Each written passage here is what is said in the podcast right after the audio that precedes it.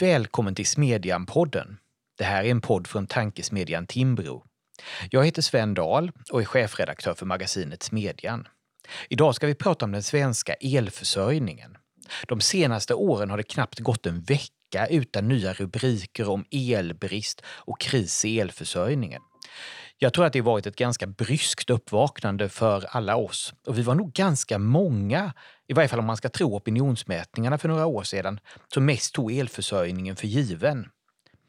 Om jag minns rätt var det till och med så att SOM-institutet övervägde att ta bort frågan om synen på kärnkraft från sina undersökningar.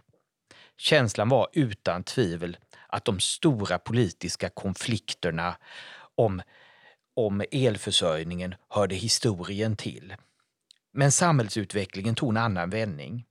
Klimatfrågan fick allt fler att lyfta fram elektrifiering som det kanske, den kanske enskilt viktigaste lösningen. Och vi ser också en mycket snabb omställning i stora delar av samhället. Inte minst i transportsektorn där förbränningsmotorn fasas ut snabbare än vad många nog föreställt sig. Vi ser också hur stora delar av den svenska basindustrin arbetar med sin klimatomställning.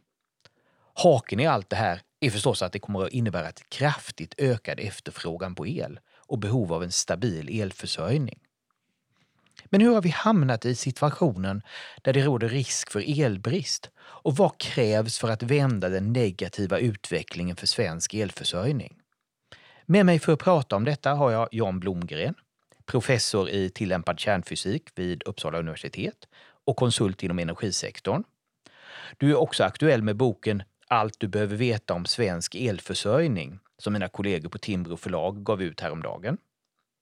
Med mig här idag är också Ellen Gustafsson, miljö och klimatansvarig här på Timbro. Du har bland annat skrivit en debattartikel i Dagens Industri häromveckan där du föreslår ett antal reformer för en mer välfungerande och stabil elförsörjning. Välkomna hit! Tackar. Tackar.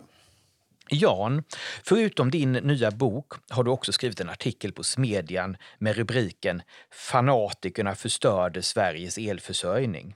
I den skriver du att vi i Sverige 1985 producerade mer el totalt än idag och den el vi då hade var av högre kvalitet, mer pålitlig och bättre anpassad både till elnätet och de slutliga användarna. Jag måste erkänna att jag hajade till när jag läste det och tänkte att det väl inte kan stämma. Men det gör det alltså. Vad bra att du hajade till, för det var meningen. Vi har nästan lika mycket el idag som vi hade 1985. Och om ett par år, om vi fortsätter att bygga vindkraft som vi gör nu, så har vi hämtat upp det. Men det är bara om man tittar på elen totalt. Det vill säga, hur mycket får vi under ett år? Men skillnaden är att för 35 år sedan då hade vi en jämn tillgång till el av hög kvalitet hela året.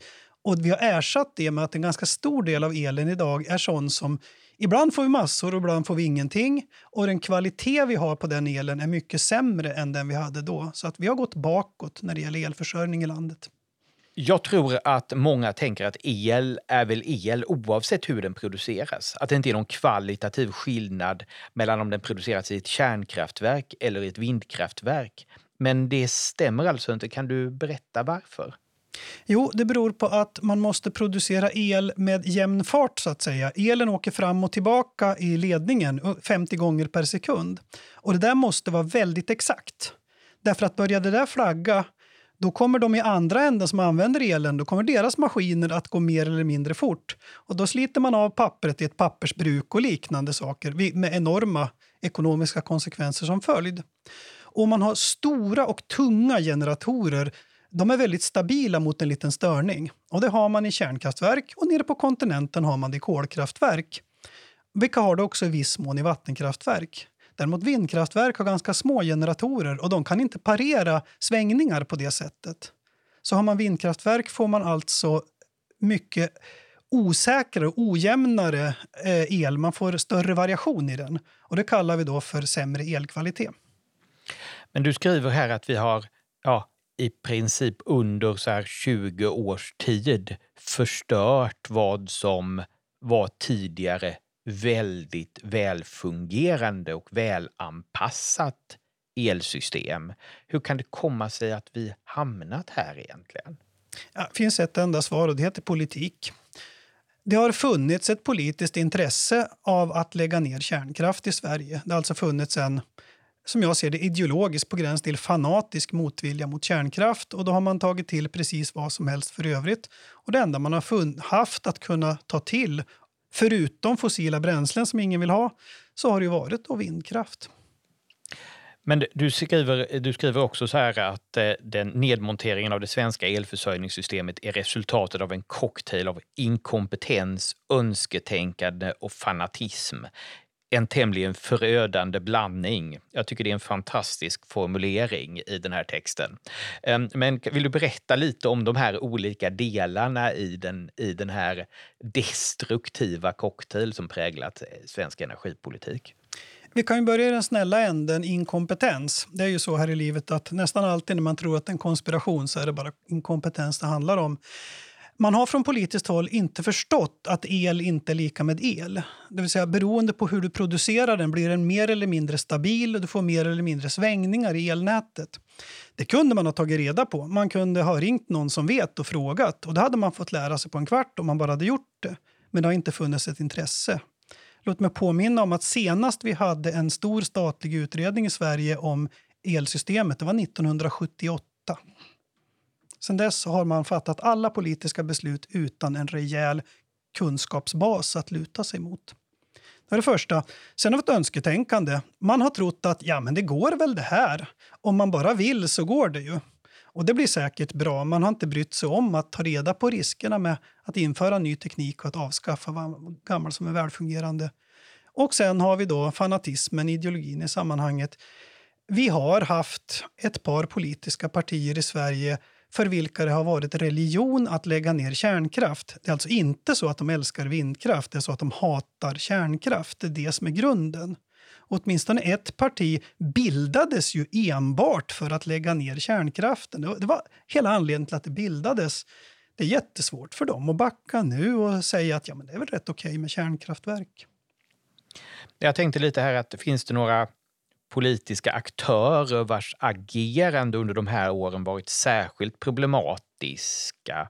Jag tänker så här, det är lätt att peka på Miljöpartiet som ju är ideologiskt grundad i kärnkraftsfrågan men det politiska systemet består ju ändå av ja, många fler aktörer. Det tråkiga är att det inte är en enstaka person det handlar om. Då hade det varit lätt att lösa. Utan det här har ju... Men ska man peka ut en enda person så är det ju Torbjörn Fälldin. Eh, Centern var ju kärnkraftsförespråkare ända fram till början på 70-talet. Men sen ändrade sig Torbjörn Fälldin och han blev närmast fanatisk kärnkraftsmotståndare. Och vi som har levt tillräckligt länge för att komma ihåg 70-talet vet ju vilka enorma konsekvenser det fick för svensk politik.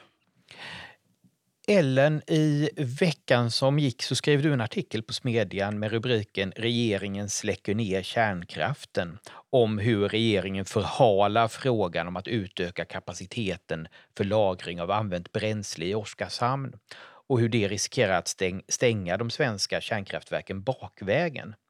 Det låter ju som att den här kulturen som Jan beskriver av inkompetens, önsketänkande och fanatism i allra högsta grad är levande. Ja, absolut. Och även i det här fallet så är det ju Miljöpartiet som, som står bakom det här motståndet och som, som riskerar att leda till en, till en tvångsavslutning av svenska reaktorer redan från 2024 och som därmed hotar 30% av svensk elförsörjning. Och precis som ja, vi precis var inne på så, så är det ju ett, ett, eh, ja, men det är ett ideologiskt, en ideologisk avsky mot kärnkraften som, eh, som ligger till grund för det här. Och just det här att Miljöpartiet faktiskt bildades ur kärnkraftens eh, motståndsrörelse. Och ett argument argument som har ekat genom decennierna har ju alltid varit faktumet att liksom, vad ska vi göra av slutavfallet? Vi har ingenstans att placera det. Vi kan inte, det här är en börda som riskerar att, att eh, läggas på framtida generationer. Eh, men nu när man faktiskt har chansen att lösa den här frågan så vill man inte ta den. Och det är just för att om man faktiskt är det partiet som tar beslut om att påbörja bygget av slutförvaret så, så underminerar man ju någonstans de egna argumenten mot, mot kärnkraften. Eh, och det är den här, det är den här rädslan, av, liksom rädslan för ny teknik, både i form av kärnkraften men det finns också i form av liksom, eh, GMO, alltså genmodifierade grödor till exempel. Man brukar ju då, i alla fall från gröna partier, hänvisa till en försiktighetsprincip. Man säger att vi måste vara försiktiga så vi, så vi måste så att säga, vi måste vara väldigt säkra på att den här tekniken inte eh, gör någon skada. Men om man ser klimatet också som, som någonting vi behöver vara försiktiga eh, för och någonting vi måste agera mot för att liksom, minimera då klimatförändringarna så borde man ju ur ett försiktighetsperspektiv också... Alltså det borde vara helt orimligt då, eh, även ur ett försiktighetsperspektiv, att lägga ner kärnkraften. Men ser du några tecken tecken på en förändring i Miljöpartiet eller är Miljöpartiet och kärnkraften, är det kört? Alltså det spelar ingen roll hur stor klimatfrågan eh, frågan blir. Vad säger du Ellen? Jag tror inte att de kommer att ändra sin retorik i det här. Jag tror inte de kommer att ändra sin uppfattning. För det är som sagt det är väldigt inbakat i, i Miljöpartiets eh, så att säga, själ. Det, var, det, det är därför de, de grundades och det lever kvar. Och som sagt, om, man, om det är så att man fortsätter att liksom, bibehålla det här motståndet som man har idag, eh, givet att man också har en så liksom, hög svansföring generellt, eh, svansföring generellt i klimatfrågan, så, så, tror jag inte att man kommer att, eh, kommer att ändra sig. Och det är ju faktiskt så att eh, från personer personer som, som motsätter sig kärnkraften så har man också liksom, tidigare... Eh, alltså man, är, man är ganska villig att låta den liksom, elen som produceras från kärnkraft ersättas av sådant som kolkraftverk till exempel. Alltså det, finns, det, det är väldigt riktat mot, mot, just kärnkraften, det här, det här motståndet. Det fanns till exempel gröna eh, politiker, om vi tänker längre bak i tiden, då var det Centerpartiet, man, man ville att eh, liksom Barsebäck skulle göras om för att istället för, för, för att producera kol, eh, kolkraftsel istället istället för kärnkraftsel, då, även fast det, det ena är eh, liksom den största miljöboven som vi kan tänka oss, det vill säga kolet, eh, och kärnkraften är ja, utsläppsfri och släpper ut mindre än både vindkraft, och vattenkraft och solkraft. Så det finns ju något väldigt eh, liksom, djupt rotat i den här versionen mot kärnkraften. Vad säger du, Jan? Jag kan bara skriva under på alltihop. Eh, för 20 år sedan ägnade jag mig åt forskning att försöka återanvända använt bränsle i kärnkraftverk och få ut mer energi ur det hela. Det var på modet då. Och tekniken funkar, den kan vi använda om det hade funnits ett politiskt intresse. Die Grüne i Tyskland förklarade då att om den här tekniken funkar då försvinner ju ett av de starkaste argumenten mot kärnkraft. Alltså är vi emot att sån här forskning bedrivs. De sa rakt ut att motståndet mot kärnkraft var viktigare än att lösa kärnkraftens upplevda problem. Det är ändå en ganska dramatisk eh, position skulle jag säga. Inte minst sett i ja, klimatfrågans utveckling. Alltså jag tänkte våga mig på en lite mer filosofisk fråga. Ehm, Jan, du skriver i Smedjan om svensk politiks vackert, eh, vackert väderläge eller att vi tar saker för givna. Och sen fattar vi en massa politiska beslut som påverkar hur grundläggande samhälleliga funktioner fungerar. Och så står vi där plötsligt och är förvånade när systemen vi tagit för givna inte längre fungerar. Jag tycker elförsörjningen är ett jättebra exempel men svensk politik de senaste tio åren rymmer ju flera exempel på det här. Vad är det som gör att svenska politiker så ofta hamnar i det här, i den situationen? Att vi bara förväntar oss att saker och ting ska funka och så blivit förvånade när de slutat göra det som en konsekvens av politiska beslut. Ja, det här är ju ett ämne för egna avhandlingar och kanske för en statsvetare att fundera på snarare än jag. Men låt mig ge en inblick från min horisont. Då. På energiområdet så är det så att vi byggde ett oerhört stabilt och robust system. Och det var så bra så att man kunde misshandla systemet utan att det på ren svenska sket sig. Men i och med att man sen har, har eroderat systemet, nu är det inte så längre. Nu börjar vi se problemen. Och jag kan möjligtvis se något liknande när det gäller andra områden. Vi byggde oerhört mycket infrastruktur i Sverige från mellankrigstiden och fram till en bit in på 70-talet. Och det är inte bara energi. Vi pratar vatten och vägar och järnvägar och allt möjligt annat. Och sen hamnade vi i en situation att det var liksom färdigbyggt. Och det var bra byggt och man behövde inte göra så mycket under en viss tid och då förslappades vi och vi började ägna oss åt att ha ganska avancerade system för att ändra på saker och ting. Det krävs en massa miljöprövningar och det finns olika sätt att överklaga och allt möjligt annat. Det är bra med miljöprövningar, men frågan är varför måste det ta tio års tid att ta sig igenom att få tillstånd att göra en förändring? Så kan man ha det när man har eh, vackert väder och grejerna fungerar. Men nu när de börjar på att darra och inte fungera, och inte bara energin utan som sagt vatten, avlopp, allting sånt. Va? Då har vi inte processer för att rätta till saker och ting. Mm. Jag säger du, Ellen? Mm, jag tänker att det till stor del hänger ihop med det vi har varit inne på. Alltså inte minst vad gäller önsketänkande. Alltså man, man försöker få verkligheten att passa in i liksom en, en föreställningsvärld, en fantasivärld och så tar man inte hänsyn till faktiska och fysiska begränsningar. Eh, utan kärnkraften har ju motarbetats då, eh, av framförallt så kallade gröna partier eh, för att man inte ser kärnkraft som en del av lösningen. Man vill inte att det ska vara en del av lösningen. Så man utformar politik som, eh, som, som drabbar och missgynnar kärnkraften och så, så säger man att det är marknadskrafter som, som avvisar den när det egentligen är dålig politik. Eh, och en annan del av det som, som vi också varit inne på det är ju den här, den här rädslan. Jag tänker på folkomröstningen då på, på 80-talet. Alltså där var ju alla linjer avvecklingslinjer. Det, eh, det är någonting som jag tycker att man ska, man ska komma ihåg. Eh, och den här, det är liksom en irrationell rädsla som ligger till grund för hur man ser på kärnkraften. Eh, som på något sätt kan vara svår då att eh, liksom hur man ska hur man ska Mm, vad ska man säga, eh, skydda sig mot den eller hur man ska liksom, möta den. Eh, exempelvis då efter Fukushima 2011 så var det fler som dog till följd av naturkatastrofen och, och tsunamin än vad det var av, av kärnkraften. Men ändå så är det det man kopplar ihop Fukushima med när man tänker på. Eh, så att det är ju så att säga, det är inte irrationellt, det är den här rädslan och det är eh, liksom föreställningar som, som politiker eh, utgår från när de formar sin politik. Men varför fortsätter politiker och en hel del väljare också att vara så rädda för kärnkraft? Vad är det som skapar den här rädslan? Det har forskats oerhört mycket på den saken och det finns ingen konsensus om det hela. Eh, de viktiga faktorerna är, torde vara eh, rädslan för kärnvapen. Därför att det var en teknik som kom först. Och sen under andra världskriget och sen efter andra världskriget så konverterade man det hela. Man använde kunskapen till att bygga upp den civila kärnkraften. Eh, och Det gjorde att kärnkraften redan från början hade liksom en bild av atombomb på sig.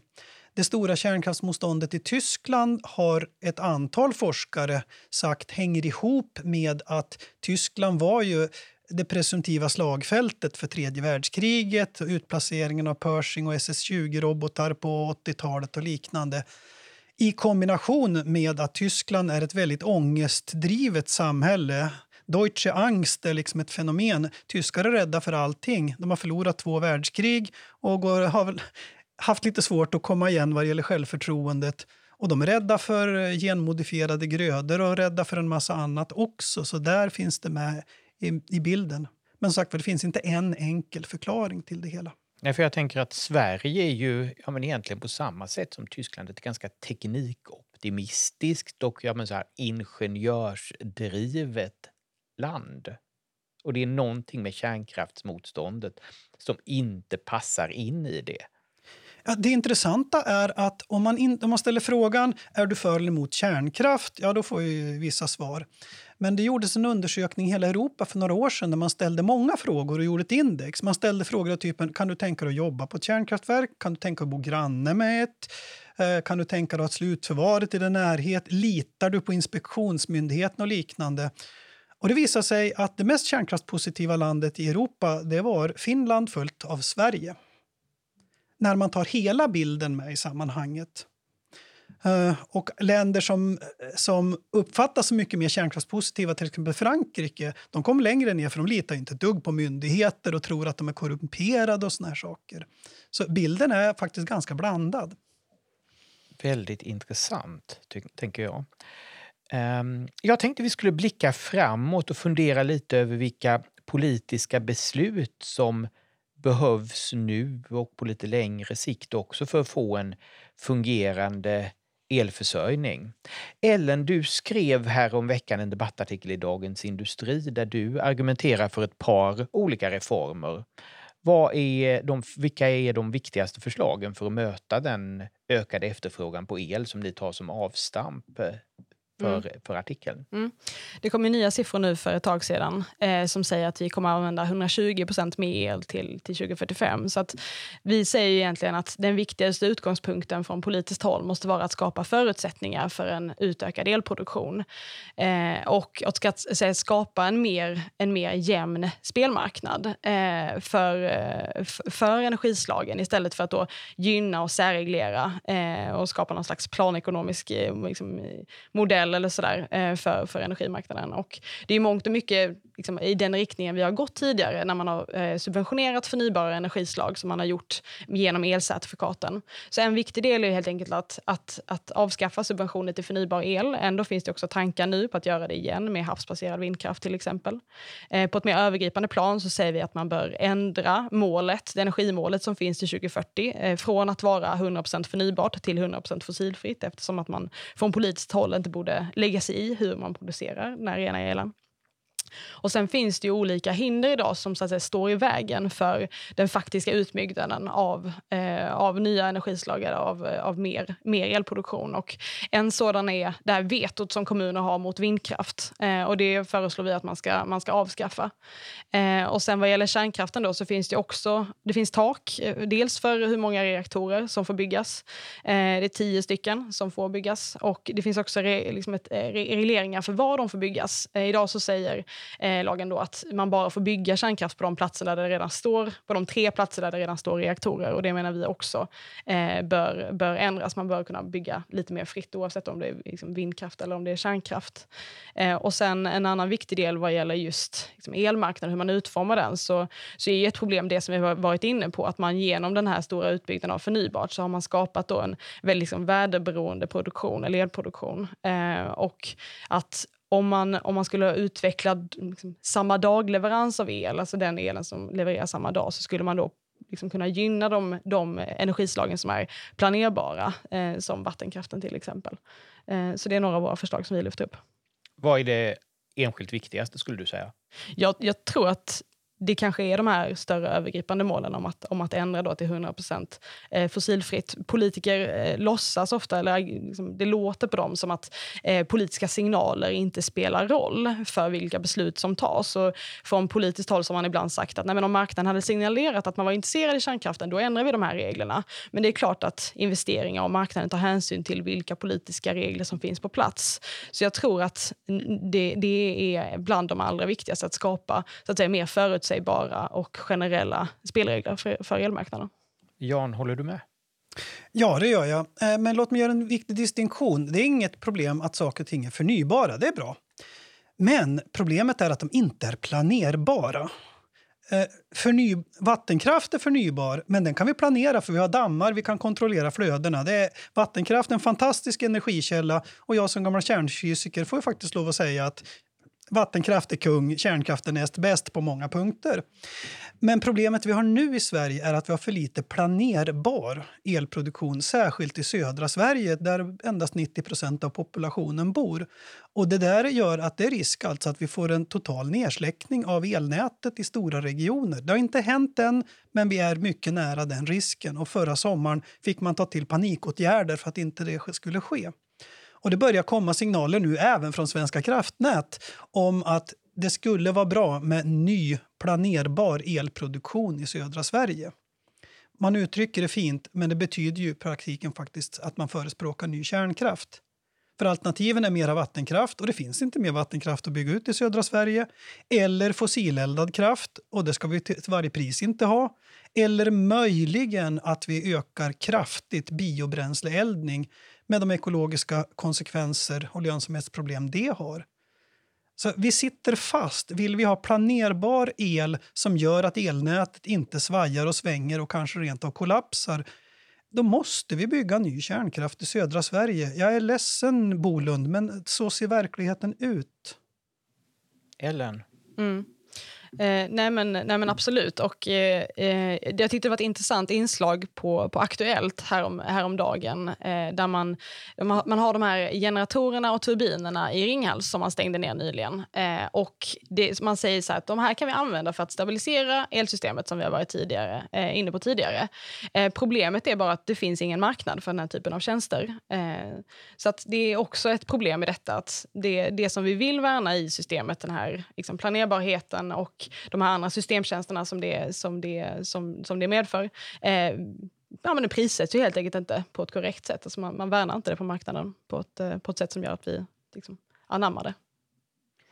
En sak som jag har funderat på här är att väldigt många beslut som rör elförsörjningen tar ju väldigt lång tid för att de ska ge faktiska resultat bygga ny kärnkraft, det rör sig om ganska många år innan det faktiskt finns ett kärnkraftverk som, ja, som kan leverera el. Finns det några politiska beslut på området som skulle kunna fattas idag och ge resultat på kort sikt? Eller annorlunda uttryckt, finns det, så här, finns det lågt hängande frukt för politiker som vill säkra en en god och stabil tillgång till el. Mm. Jag skulle säga att det som man kan göra redan idag, som är den absolut lägsta hängande frukten och som återigen då kan rädda 30% av svensk elförsörjning, det är att ge grönt ljus till slutförvaret. Eftersom att om vi inte har någonstans att, att eh, förvara det här slutavfallet så, så kan vi inte driva reaktorerna vidare. Eh, så det är ja, den, den absolut lägst hängande frukten som, med, som får enorm och stor effekt för tillgången till el. Eh, sen ska jag säga att en annan viktig fråga är att bana väg för etableringarna idag. För det är ju så att det tar väldigt lång tid att få så att säga, tillstånd att, att, eh, att bygga ut elproduktion. Eh, det tar tio år att bygga eh, vindkraftparker. Eh, det tar 10-12 år att få bygga elledningar.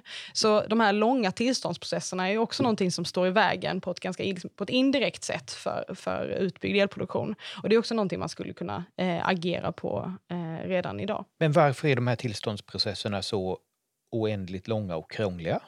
ja, det ska gå igenom väldigt många olika instanser. Det är många olika aktörer som har synpunkter och är med i den här liksom, soppan.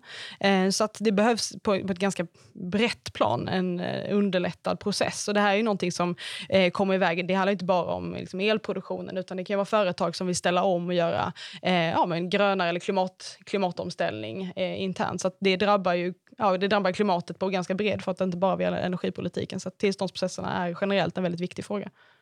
Vad säger du Jan? Lågt hängande frukt? Ja, det värsta är att det finns inga lågt hängande frukter som förbättrar situationen. Däremot finns det några lågt hängande frukter som gör att det åtminstone inte blir värre. Så det man får göra nu är att försöka stoppa förfallet. Och Ellen har ju varit inne på den viktigaste av dem. Se till att ge tillståndet för slutförvaret så vi inte måste lägga ner he, väsentligen hela den planerbara energi elproduktionen i södra Sverige. Det skulle kunna vara en katastrof. Så det är liksom det första. Men jag kan se några andra också. Det här med havsbaserad vindkraft det skulle göra problemet ännu värre än det är idag. Lägg ner de planerna, stryk det. Eh, till våra kära politiker kan jag säga att det ni kan göra som går ganska fort det är att ändra lagar och skatter. Det går mycket fortare det än att bygga saker och ting. Och det har också Ellen varit inne på, att prissättningen av saker och ting idag är i princip så att man får betalt för att man kan lova att leverera ström imorgon. Däremot får du inte ett dugg premium för att du kan lova att leverera ström om en vecka eller om ett halvår eller så. Så långsiktighet belönas överhuvudtaget inte. Och du får inte betalt mera för att ha hög kvalitet, att du hjälper till att hålla systemet stabilt istället för att slita och dra i det så att det är på väg att tippa över kanten. Så nya affärsmodeller för att ersätta det faktum att man hjälper till att stabilisera upp systemet, det skulle göra en stor skillnad. Och det går fort att ta fram.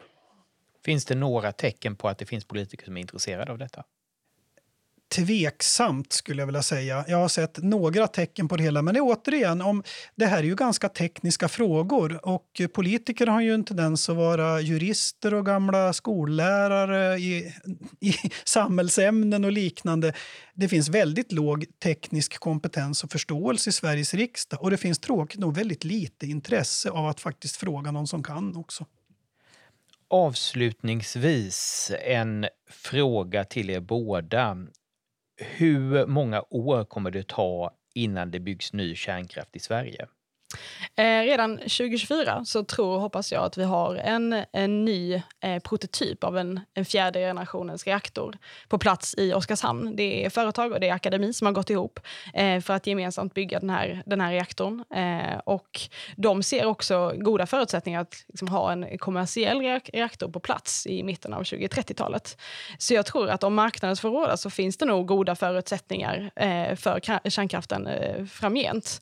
Eh, eventuellt om ett större fokus på den här typen av nya och mindre reaktorer, så kallade SMR, som går att ja, serietillverka, då, vilket driver ner kostnaderna för produktionen. Så att jag tror att det finns goda förutsättningar om politiker låter bli att vara klåfingriga och lägga sig i. Ja, mitt svar är att det kan gå mycket fortare än så om det bara handlar om teknik och affär. Det som står i vägen är politik. Och Problematiken här är att Även om det skulle inträffa den totala omsvängningen ikväll och alla Sveriges partier kommer ut och säger nej nu har vi skådat ljuset, här ska det byggas kärnkraft på bred front så kommer det att ta flera år innan de investerarna törs lita på att det inte kommer att svänga igen. Så politiken är faktiskt den största bromsklossen. Det får lov att bli sista ordet. Stort tack till Ellen Gustafsson och Jan Blomgren. Tack också till er som lyssnat. Ellens och Jans texter finns tillsammans med mycket annat intressant att läsa på smedjan.se. Jag vill särskilt passa på att tipsa om krönikan Opinionstrenderna pekar mot maktskifte, där David Alin djupdykt i de senaste opinionsmätningarna och konstaterar att det finns trender som kommer att gynna Moderaternas regeringsalternativ. Jans bok Allt du behöver veta om svensk elförsörjning finns att köpa i din bokhandel och på Timbro förlags hemsida. Vi ses på smedjan.se och hörs igen här om en vecka. Tack så mycket!